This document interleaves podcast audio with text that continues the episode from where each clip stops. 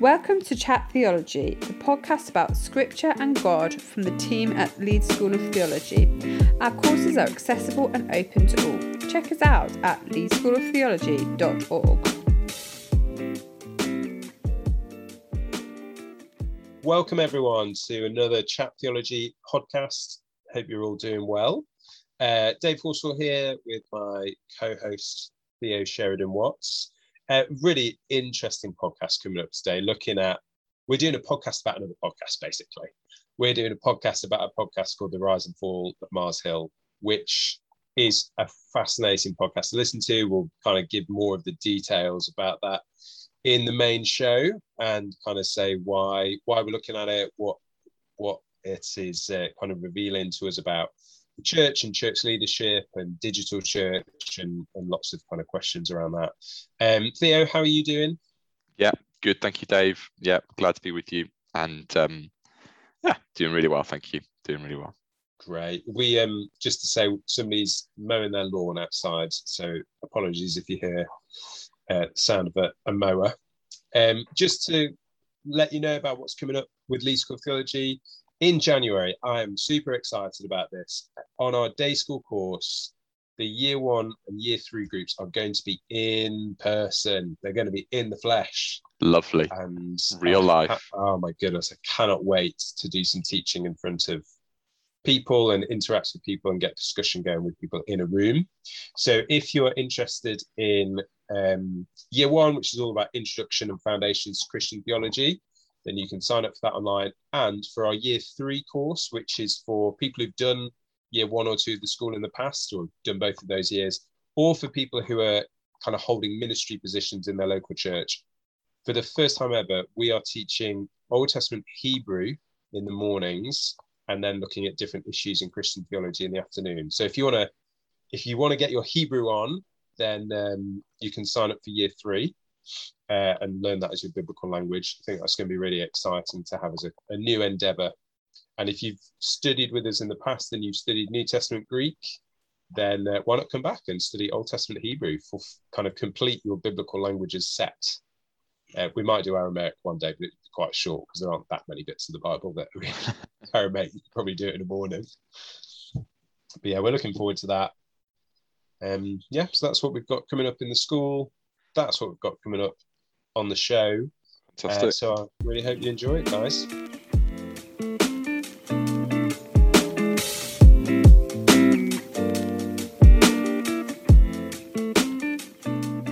Hi, everyone, and uh, welcome to another episode of Chat Theology. Uh, lovely to have you with us today as we look at the rise and fall of Mars Hill. This is the, the podcast about the podcast about podcasts. Just as we get started, I think it's worth saying if you're listening to this and you've not listened to the Rise and Fall of Mars Hill podcast, first of all, it's a lot better than our podcast. So go listen to it right now. Stop what you're doing. Utilize your half hour better. Yeah, their, their production budget is a lot higher than ours. It so. is, it is. But also, I think it's worth, um, yeah, it'll be helpful. It's probably more, we're not going to go through the whole, um, because we're eight episodes in on the podcast into a 12 episode series. So we're not kind of going into yeah. loads of detail and so we'll reference stuff. It might be helpful if you kind of vaguely aware of the story. But just to kind of in a in a sentence, it's a podcast about um, a church called Mars Hill, founded in 1996 um, and was kind of set up to be kind of one of the kind of the leading voices in evangelical kind of certain streams of evangelical Christianity, very high profile. Mm. Um, and then there was this kind of um, a few various scandals which started to hit it and then eventually collapsed in 2014. Um, just a few months after uh, Mark Driscoll, who was kind of the founding and lead pastor, resigned. And um, the podcast just really goes into to kind of themes, which I guess is what we're wanting to explore a little bit today, which is around church leadership, um, power, conflict, mm. and the role of kind of media and all those types of things, which, um, yeah, and how they and how they interact with one another. And we both of us, yeah. I guess, we really recommend the podcast. Yeah. Um, and uh, and uh, well worth well worth a listen. Yeah, I suppose a caveat we'd recommend it, but it's not the most it's not the easiest listen in the world. It is yeah, you know, it's a look behind the scenes of a church gone wrong, and some of the episodes are um, concerning. Shocking. I would say shocking in terms of what happened and and what and what was deemed acceptable. And I think that's one of the big themes of the podcast is kind of uh, what was deemed acceptable in this in this church that grew and grew and grew, and because there was so much fruit, so many people come to know Jesus, so many people getting baptized, then mm. it almost people turn the blind eye to some of the things that really should have yeah. been questioned and challenged. Um, actually, but it, yeah. sorry, no, go on, Dave. I was, I mean, it is a fascinating podcast to listen to. Yeah, it, it it's produced really well. There's really good kind of interviews. There's good journalism. It's interesting. It's eye opening, and I, I do think it's a really help. Like I, everybody I chat to now, I'm like, "Are you listening to this podcast?" And loads of people are. And um, apparently, I it was think, number three in iTunes, not Christian podcasts, like just general iTunes, podcasts. general podcasts. I mean, in a way, that doesn't surprise me because of what it touches on. Um, and I do think it has a real potential to be a refining moment for the church, as do the fallout from lots of other painful things that are happening the Bill Hybels scandal, Ravi Zacharias, Jonathan Fletcher, Crowded House in Sheffield, all multiple examples that we could list at the moment. Mm. There is a potential that this is a really refining moment for the church where we are forced to look back to Jesus and go, how do we, how do we pastor and lead and build churches that look and sound more like Jesus rather than yeah. a, a, celebrity Christian culture. But there, I suppose it's worth saying there is also a danger with this podcast that it, you know, it could be, for want of a better term, or somebody described it as it could be failure porn. You're kind of viewing something that is effectively the failure of something, and it and it's enjoyable to watch the failure. Yeah. And I think that's a dangerous side. Agreed. A, a dangerous, you know, outcome of that podcast could be, well, I always knew they were going to fail, kind of thing, because I never agreed with them, or yeah, and that ties into kind of like just generally within our culture, we like we like charismatic leaders, and we also like yeah. to see and celebrities, and we also love to see them topple, totally, and it kind of yeah. feeds into something quite unhealthy within, um, yeah, within probably the, the, the human psyche, and I think the podcast acknowledges that, and I guess their response to that, um, guy called Mike Cosper, who who um, is head of journalism, yeah. head of podcasting, sorry, at Christian Today, his response is what we want the podcast to be is to try and think about how we can kind of build a more beautiful and better church. Mm. And so, that, Dave, why don't we, I guess, for our discussion today, let's try and do some of that bit. Um, don't kind of yeah. recount all the kind of the horrible stories, but yes. um, perhaps let's think about some of those things that we say. This is how kind of building a healthy culture. Yeah, definitely. Yeah. I think that'd be really helpful. And uh, the first one that kind of jumps to mind then is is kind of well, do we just need to kind of get rid of leadership? Is isn't that isn't it kind of as as fundamental yeah. as that? Do we not just kind of isn't yeah? That flat, that'd be the knee, yeah, yeah. knee jerk reaction, wouldn't it? Yeah, and and maybe not leadership as a whole, but definitely that visionary, charismatic, solo male maybe leader. Yeah. Like the knee-jerk reaction would be that's just tainted. It's never going to work. Nobody can hold that position. Let's get rid of it. Be always yeah. suspicious of it. Yeah. Um do you think we should check it out for you well i don't know. This is no is, is the short answer. I think like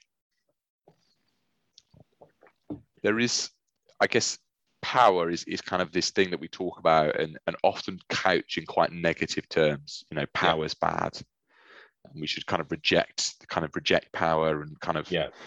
Um, but actually, kind of there's, I think there's some really interesting writing out there that actually says that that power always exists. Yeah. And actually, the to unacknowledge power is just as dangerous as to kind of yeah. seek it out and um, and uh, and, and pull it out. And, and I've been in, in leadership contexts where actually there's um, where the leader hasn't taken up power kind of yeah. because of a kind of a, a, want to kind of oh well actually don't we just want to make this kind of a, a, a an egal, egalitarian not times in terms of um, um, male and female, male and female, but just yeah. kind of it's a flat space. We're all kind of yeah. we're all on the same page. A non a non hierarchical structure. Totally. And actually, what can sometimes happen is that is um is uh, power goes underground yeah and and ends up covering up in, in kind of actually quite unhealthy places yeah i mean when there is a void of power it's going to get filled Yeah. And and if you're not conscious about how it's getting filled, then it will get filled with the, the loudest voice or the, the if you like the most influential voice, which may not be the best voice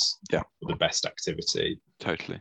Yeah. So pa- power to some extent is a fairly neutral thing, but how we use power and the, the fact that we are all affected by sin and how that means we use power it means you know it has the potential to be very very destructive and dangerous but also has the potential to be really effective and powerful like jesus has said you know all all power and authority in heaven and earth has been given to me jesus is the most powerful you know powerful person in uh in existence and, and nobody's looking at jesus and going wow he's he's clearly corrupt and using his power for for bad Yeah. So it's how power is used, and I guess in Jesus we see that beautiful. Um, picture of power that's used to to lay down and to Yeah. to to serve love to to serve, serve others. Um, I, and I guess, something, yeah. sorry, something I was thinking about the other day was we'll probably not hear about the pastors, the visionary charismatic pastors who are using their power well, because they're not seeking the celebrity status, they're not seeking the limelight, then there isn't going to be the scandal that draws the spotlight to those churches. Yeah. So there will be lots of those people around, but they're probably not going to get into the limelight because Yeah. they're not they're not seeking it. And there's no scandal to go after. Yeah. What you see in the limelight is it tends to either be the successful celebrity or the fallen celebrity. exactly exactly yeah there's um there's a, a, a quote that kind of gets attributed to um uh, Count Zinzendorf, the, from the, the kind of the founder of the Moravian community. Keith Jones And- would be so happy that He will. you Keith got, Jones teaches church history on our on our um, on our day school, and um, he- has a, a a quote that's attributed to him, which is "Preach the gospel, die and be forgotten." nice. um, which is yeah, is this, but is this this kind of sense of, and I, and I think that's what's so interesting about the Mars Hill story is that when the person at the the the kind of the, the leader goes, the whole church totally collapse. Yeah. Um, in kind of a um, an Arsene Wenger leaving Arsenal and it all falls apart um, analogy. But there's a sense in which it's it's built so built on on Mark and his leadership that when it Yeah. kind of when that's taken away, what's what's left behind it. yeah so you've got this really interesting conversation about power and how power is outworked in leadership and and that it needs to be used for for serving for loving for caring it's a giving away of power but not to the extent that you forego making decisions and taking responsibility but you do that for the sake of the other Yeah. and then you have this second thing of the culture of a church. How is that set? How is that created? And how does how does the church guard against their church being the center of everything versus their church being another kind of piece in this grand 2000 currently 2000 year tradition and history of what god is doing through his church? And that's something that really comes up in the podcasts that with especially larger kind of mega churches in America, obviously mega church in the UK, you downsize it by 100 and then you've, you've probably got a similar mega church size. A, a, a, a sizable congregation that facilitates a, a public figure at the center with a often with a dominant preaching or Mm. leadership ministry it's very easy for the narrative around the church to move away from we're a small part in god's plan to god's plan is us for this city Yeah. or this area or this ministry Yeah. and it's subtle but but that is i thought that was one of the things that stood out to me most about the podcast that actually if you have a quote unquote really successful fruitful church that's wonderful let's celebrate that let's not think though that that is uh, divine approval that every single thing that is happening in that church is good and okay and should be replicated everywhere else That's right. Yeah. Yeah. And there's so there's like I guess if you when we think about church, there are certain kind of I guess they would be sects and that kind of fall outside of perhaps the, the kind of Christian orthodoxy that say we are the one true church and Yeah. kind of everyone else has kind of got it wrong. Yeah. And in one sense, it's very easy for us to be like, well, that's obviously kind of obviously wrong. It's obviously kind of Yeah. outside of where we want to be.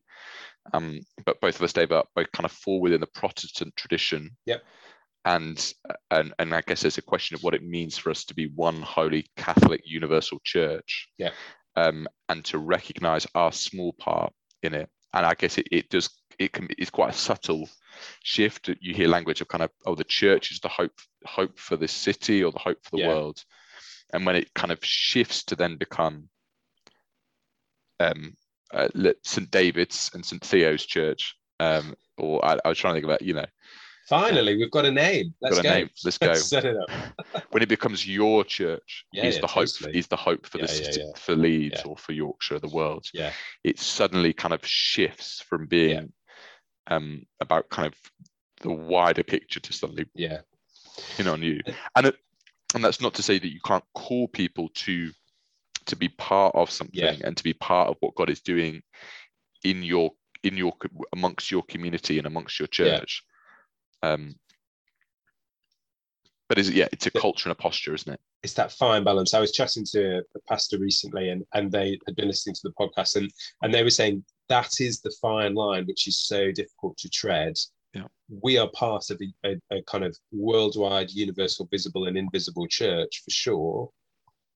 Yet we are calling people to things in our local church and, and ways of doing things in our local church that we're convinced by and we're convicted by. And they're basically saying there is a balance there between you you want to kind of build and um, uh, take responsibility for decisions and create kind of places of belonging in in your local church, your local expression of church. So you do talk, you end up talking about those things quite a lot because you want to help new people figure out kind of where their Yeah. places of belonging are. You want to kind of help people who are in the church figure out this is what it looks like in this church to you know to belong and participate so you do end up talking about it a lot but you never want to you know fall away from this idea of hey we're just a small drop in the ocean and they were saying it, you know especially for the, the probably the staff pastor the paid pastor who their world is their local church you can see how easy it is to to kind of for you to lean towards that local church expression and away from the the bigger global picture Yeah.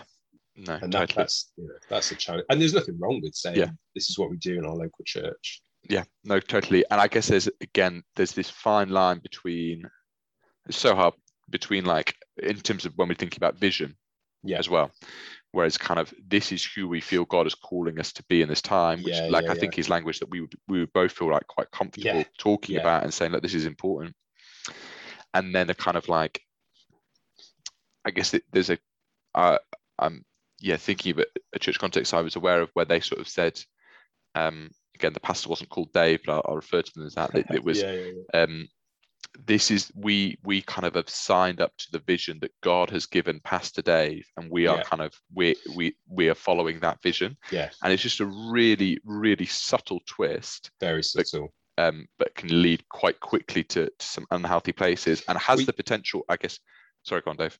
no no you finish Has the potential to lead to, I, I, I guess, for want of a better word, spiritual abuse. Because if you're if you're calling, if you're saying God has given me this, yeah and you've got to follow it. That's a Yeah. huge response, a huge weight for you then to say, as a kind of an Totally, yeah. individual, I'm not going to. yeah Um, and yeah the, yeah the, yeah The, the, the, I guess there's a question there again is something of, of power and authority, yeah which is I don't want to not just kind of go against what Dave said, but Yeah. what God has said through Dave. Yeah and and it effectively puts the pastor in the position of god A you want to know what role. god says Yeah, yeah. you come come to through me. me. you want to know what the vision is you come to me Yeah, yeah. So we we both have a, a former lecturer at, at the college that we studied at. He said um, whenever he was in a kind of leadership structure in the church, he always kind of said, um, "I'm not I'm not the vicar of this church, as it were. Jesus is the vicar, and I'm the assistant." And and some people might look at that and go, "That's a bit gimmicky," but there is something helpful about that of going, you know, we we don't have a a, a senior head here apart from Jesus, everybody else is an assistant to his leadership and his headship. Yeah. And I think that I, th- I think that can be helpful as to reiterate that. Yeah. No. But it, but in any church, when you go, oh, what does Jesus mean or say?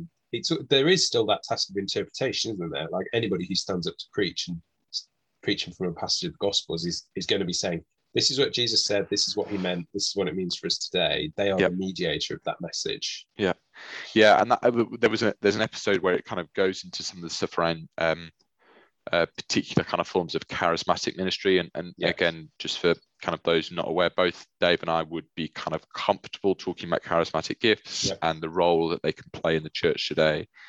Um, and also kind of those very honest and vulnerable conversations and the role of the spirit in those.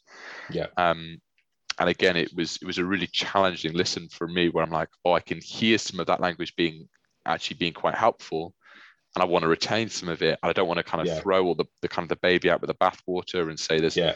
um, and yet how do you how do you navigate those types of conversations? And it feels very similar Yeah. where it's kind of where you place yourself in kind of the me, God, and the Mhm. person I'm talking to spectrum it can be really, yeah, really subtle but quite dangerous. Yeah, definitely. I think another area where we see, where you see that in the podcast and it comes out is something that uh, Mark Driscoll was convinced by was that his role was to teach and equip men specifically. So he is a complementarian theologian, would hold that uh, husbands are the head of wives in the marriage and the household setting, and male elders are ahead of the church. So very much he was convinced that his ministry was about teaching and equipping men. Um, and and his kind of approach to that, part of his approach to that was that men needed to take responsibility, take leadership, and there were and and that was a very attractive part of his ministry for a particular group of people. It was, and it's not too dissimilar from the attraction that people have somebody like a Jordan Peterson type figure, or just this conversation that's happening in culture at the moment of what is masculinity, what's good masculinity as opposed to toxic masculinity, if if you know masculinity exists as a thing. Um, and again, there's there's aspects of that. that speaking personally, I remember finding helpful in the sense of it was a call to activism over passivism, passivity, where it was like, no, take some responsibility, like, you know, look after people, care for people, don't just focus on yourself and be kind of selfish. And and if I'm honest, that's a call that is the same for men and women. That's not only a masculine thing, but you know, it was it came through that channel of, you know, Mark and his ministry to to men. So again, there was something good in there, something helpful in there, but then it was taken to such an extreme. And I think you see that multiple times in this ministry of power can be good, but you take it to an extreme, it becomes authoritarianism. Vision can be good, but you take it to an extreme and it becomes, you know, a pastor's vision over God's vision. Speaking about, you know, a call to something, in this example, mas- a particular type of masculinity can be helpful, can also not be helpful, but you take it to an extreme and suddenly Yeah. you know, Mark's ministry very much, I'm only bothered about the men, I'm, I'm not so much bothered about the women. Yeah. And it's all these potentially good things, you take them to an extreme and they become destructive. Yeah. So what let's let's I think all really helpful and, and helpful to lay them out like that. I wonder let's if we shift gears a little bit and start to think about some of the um I guess there's a, couple of different safeguards that we can have Yeah. against that. One of them, which I think is is posed really interestingly in the podcast, is around leadership structures Yeah. and stuff like that. And um um, I wonder whether it's helpful just to kind of some of the kind of classic, just to set out some of the classic kind of ways that you can have leadership structures within a church and, and how some of them might kind of interact with some of these and help safeguard against some of these Yeah. dangers. And I think something that struck me was you, you need a good structure, but you also need a good culture within that structure. The structure alone will never be enough of a safeguard. Oh, yeah. And to some extent, the culture alone will never be enough of a safeguard. You, you kind of need both. Both. So let's take, for, for example, the Mars Hill model was a, an eldership centered model. So you had local elders. In that context, it was men only. You can have eldership structures which are male and female in different churches. That's a small group of people responsible for kind of the spiritual health of the church, overseeing the church, guarding the church. That uh, proponents of that, you would say this is quite a biblical model. We see, you know, in Acts 14 and 20, Paul and Barnabas appointing elders, and Acts 20, Paul speaking to the Ephesian elders before he leaves. And so you kind of look at it and go, okay, yeah, there, there does seem to be some warrant for that kind of eldership model. And so the, I suppose one of the benefits of that is you have a group of people who the church corporately say, we are asking these men or women, or, or men and or women, women and or men, to hold this particular role to kind of oversee the affairs of the church. And we trust them, and and there can be a really a significant dynamic where the church says, We trust you, and the elders say, We love you in return. And you can have a quite a beautiful um, relationship there of support and encouragement and serving of the eldership and the eldership loving and serving and supporting the church. That can be very positive. I think the downside of that is you do end up with a small group of people with a lot of responsibility, a lot of decision making power, and uh, and you, that can become quite an isolated group. Yeah, and there's something quite yeah in that informality and relational approach can end up has the danger to become quite yeah insular and echo chamber, can't it? Yeah. Can you have genuine relationship and account? Sorry, can you have genuine accountability if it's the same four people always asking the same four people how you're doing? And there's a, if you like, there's a potential there for an agreed upon acceptance of particular types of behaviour that the outside church would be looking at and going, this is problematic. Yeah. And that seems to be what happened at Mars Hill. Yeah. You have yeah. this small group reinforcing ideas and structures and behavior, and the other people weren't allowed to speak into that. And so it's not it's not very open, it's not very transparent. And so account, accountability loses some of its bite yeah. if it doesn't have openness, if it doesn't have transparency. Yeah. Yeah. So then you've got you've also got kind of a more of a congregational model um, yeah. which um, um, I spent a, um, a, good portion of kind of my probably teenage years, particularly growing up in a in a kind of a Baptist model. And yeah. Um, I guess what you you in that structure, you're the kind of you'll have a kind of a, a minister, a senior minister, but the the, uh, the idea that the whole church is the is the body, the body yeah. of Christ, and it makes the decisions together and uh, often in kind of congregational models, this is done by kind of a voting, perhaps yeah. a church membership structure that votes together on key decisions. And I guess within there, you've got you've got some of the advantages is, is actually is again, I think you can see some biblical case for that in terms of the, yeah. the, the, uh, that image of the, the whole body of Christ and with different yeah. different responsibilities and different callings. Priesthood of all believers. Priesthood of all believers. You know. Yeah, it's a it's a good it's, it's got the kind of biblical basis. It also can help safeguard against some of that kind of insular insular thinking. Yeah. You get diverse voices within the within the polity, and yeah. they, they kind of can it can it can safeguard against some of that kind of as, as long as your voting membership is big enough. As long as your voting membership, yeah, indeed, indeed. Um, but was and that kind of like the wisdom of the crowd, um, yeah. kind of pulling together can safeguard against some of those some of those dangerous kind of one track yeah. decision making. there's two dangers I think that that I've experienced or seen uh, in that model. One of which is you, um, it can be it can be quite slow. Um, yeah. And, and and can get stuck in the kind of the institutional workings of it and um, I guess there's a whole different discussion about to what extent fast is good in Christian life, and uh, we we don't need to go into that there, but into that now. But there is a sense in which you can slow, it can be quite slow, and um, and can be quite difficult to get stuff through and, yeah. and move at the pace that sometimes is required um, for the sake of for the sake of mission, I guess. Yeah. The second is that that I guess as we've discussed it earlier on, power doesn't go away.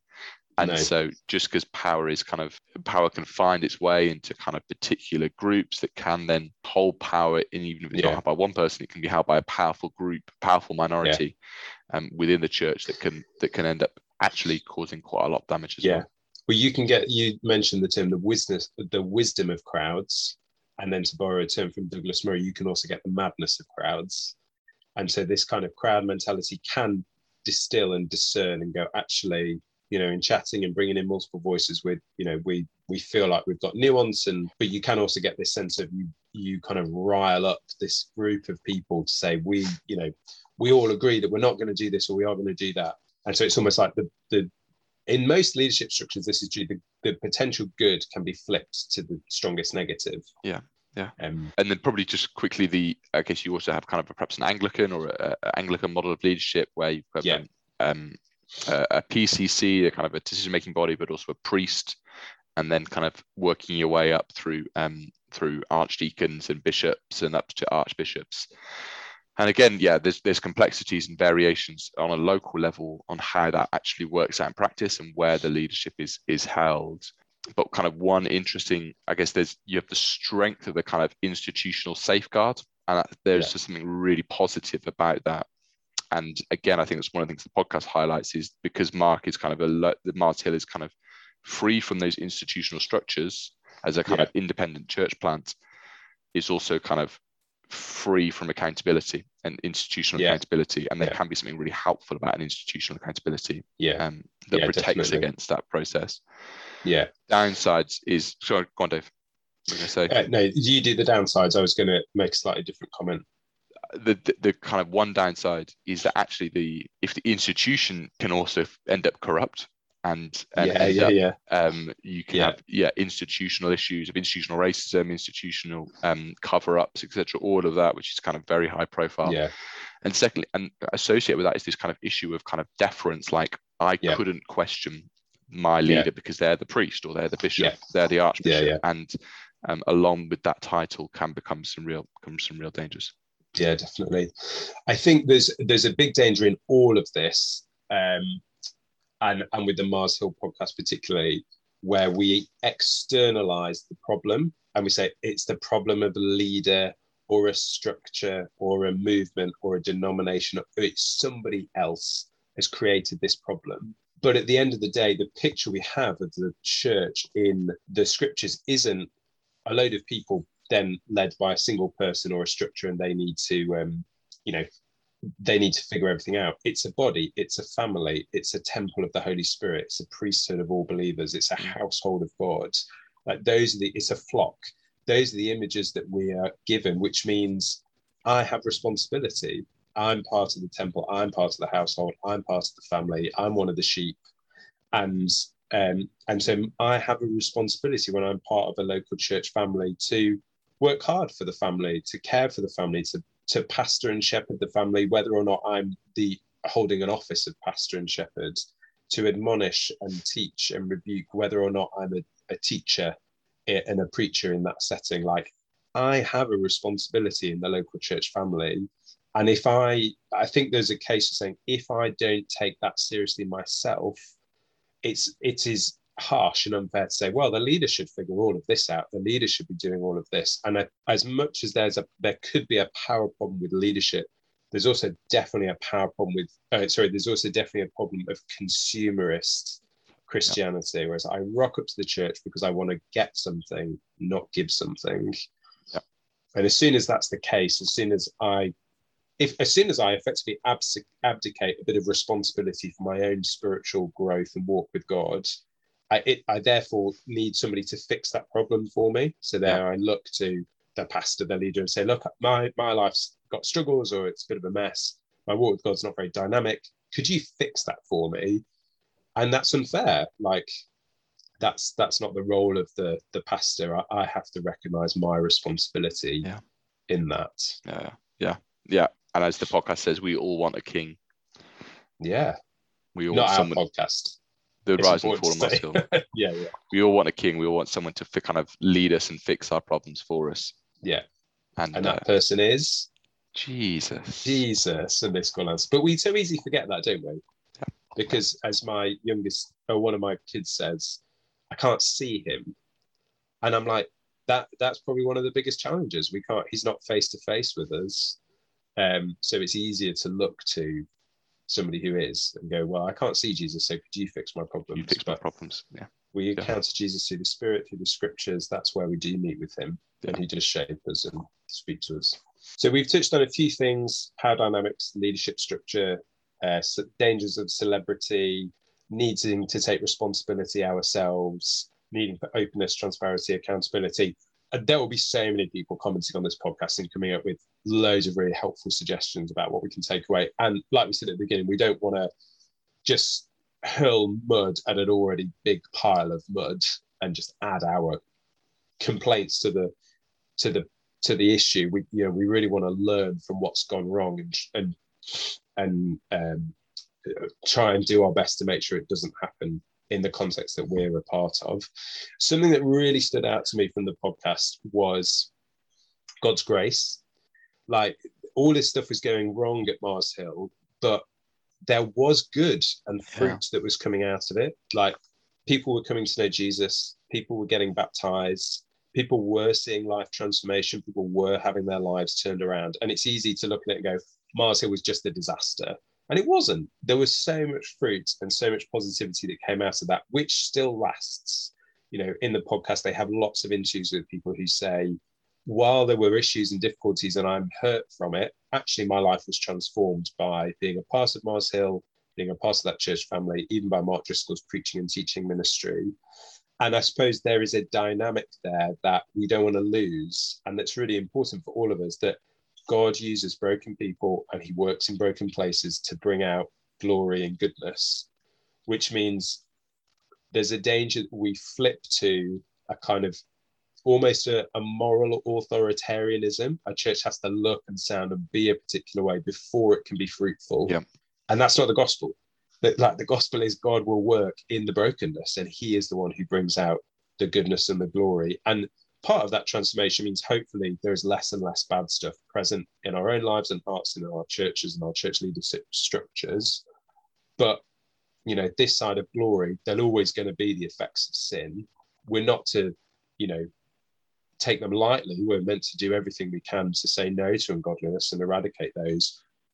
But we still want to trust that God can work and bring out fruit. I, I want to trust and hope that God can bring about fruit in my life, even though I know all the brokenness that's in my heart and in my church and in the churches in in Leeds, the city that I'm, you know, I'm living. I want there to be fruit from our broken churches. Mm. I, I don't want to just say all our churches have to book up their ideas and be better before God can do anything with them, because that denies this whole concept of of one aspect of God's grace at work in in our lives and the lives of the church.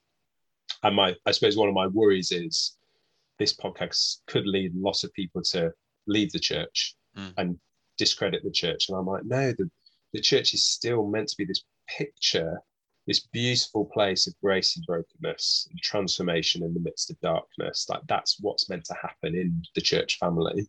Mm. And if we leave that, I just think we leave the, you know, one of those yeah. precious gifts that God has given us. Sure, it's got some bad sides, it can go wrong, but my goodness, it, on its on its day, it's the best family to belong to in the world. It's the best place to be in the world. It's the best situations to be in the world. Hmm. It, it really, you know, truly can be an answer to so many of the world's problems. It can speak a better word, as it were. Yeah, yeah, and the the the, the very concept, Dave. That's beautiful, beautiful pitch for the for the Preach church. It testify.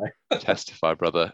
I guess the idea that you could be a christian and be like oh well i don't really bother with that church stuff because i don't yeah. really like it. Like it, yeah it's hard to overstate how how like utterly strange that would have felt to 2000 well, years like, 2000 years of church history. Like it's just not even an idea.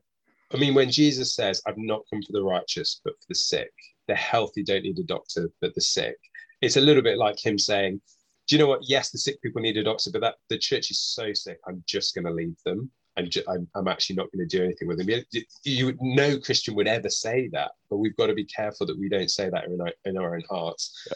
while also recognizing people live with real pain and trauma, trauma. And hurt by what's yeah. been done to them by particular people. Yeah. And so when we say love the local church, be part of the local church, that's that's going to be triggering for some people. That's and it, it is too glib to say that without the nuance of totally. there needs to be forgiveness and reconciliation but the place where forgiveness and reconciliation should be happening is the church. The church is meant to model saying sorry when it gets something wrong yeah, yeah, and totally. reconciling with people where there's been hurt. Yeah, and and if if we just leave when there's been hurt and pain, we miss that opportunity for forgiveness and reconciliation. We miss that opportunity for the for the gospel to be displayed yeah, yeah. and outworked amongst people. That's the yeah helpful helpful. Yeah, this is not us kind of diminishing the the voices of those who've experienced trauma at the hands of the yeah. church. Like yeah, that's real and shouldn't be shouldn't be silenced or ignored. Yeah, all, all the people that have been hurt by Mark Driscoll, I'm not saying you know they should all become bosom buddies with Mark and like go out for coffee with them every week, but you know, there should be a two-way relationship of reconciliation and repentance there. Yeah, yeah, yeah. You know, Mark. It sounds like from everything that's come out of the podcast, Mark needs to come and be repentant to some of those people, and there also needs to be a repentance from some people of going, well, we we allowed it. We you kind of we facilitated it, yeah. as well as Mark saying, but I used that and abused that. And if there was that repentance and that reconciliation, that's actually a really beautiful thing, which our our cultural moment is kind of quite opposed to. We're very much in the stage of like cancel people, stop people speaking, like shut them up rather than restore relationship with them. Mm. And I think the church has got to be careful we don't go down that cancel culture line and go, oh, because you did something wrong, that's it, we're out. While also taking seriously, but you did do something wrong. There needs to be repentance. Yeah, yeah, And that's yeah. a, there's a fine balance. There's there. a really fine balance. Miroslav Volf says that sometimes the the only reconciliation that can happen is a walking is a kind of a walking away, like with an extended arm, like Yeah. like will the offer of embrace, Yeah. but one which kind of recognizes the need to withdraw. So yeah. that's not. You've done well, mate. You've got Count von Zindeldorf and. Zinzendorf and Miroslav Volf. in in one episode. I haven't quoted anybody. I feel inadequate as a theologian. You quoted yourself, Dave. It's good enough. Um, should we wrap it up there? Um, Yeah, brilliant. let's uh, yeah just again really recommend the podcast um there's yeah i they it's well worth a listen guard your heart as you're doing it it's kind of the purpose of listening to the podcast i think they would say and we want to say is not to kind of make yourself feel more superior or Yeah. to kind of like gloat and kind of glory over the kind of failure uh, but instead to to to say what does it look like to create the type of church or to be part of asking God to create Yeah. the type of church that He calls us to be. Yeah, definitely. Really good to chat with you, Theo. Hopefully that stimulated some thinking for you, reflection for you, kind of questions for your own kind of journey with with these big questions. We'll be back with another chat theology podcast soon, looking at some new topics, looking at some uh, interesting conversations that are happening, getting some interview and some guests involved. If you want to suggest a guest to us that you think, hey, you should try and interview this person, you can you can drop us an email at our inquiries email On the Uh, website, uh, check us out. on the Contact- website. contacts on there. So you can use that to get in touch. Otherwise, have a great week, everyone. And if you want to check out the day school, you can Google Leeds School of Theology and go to our website and you can find out more information about the day school there. Thanks, Dave. Bye, Theo.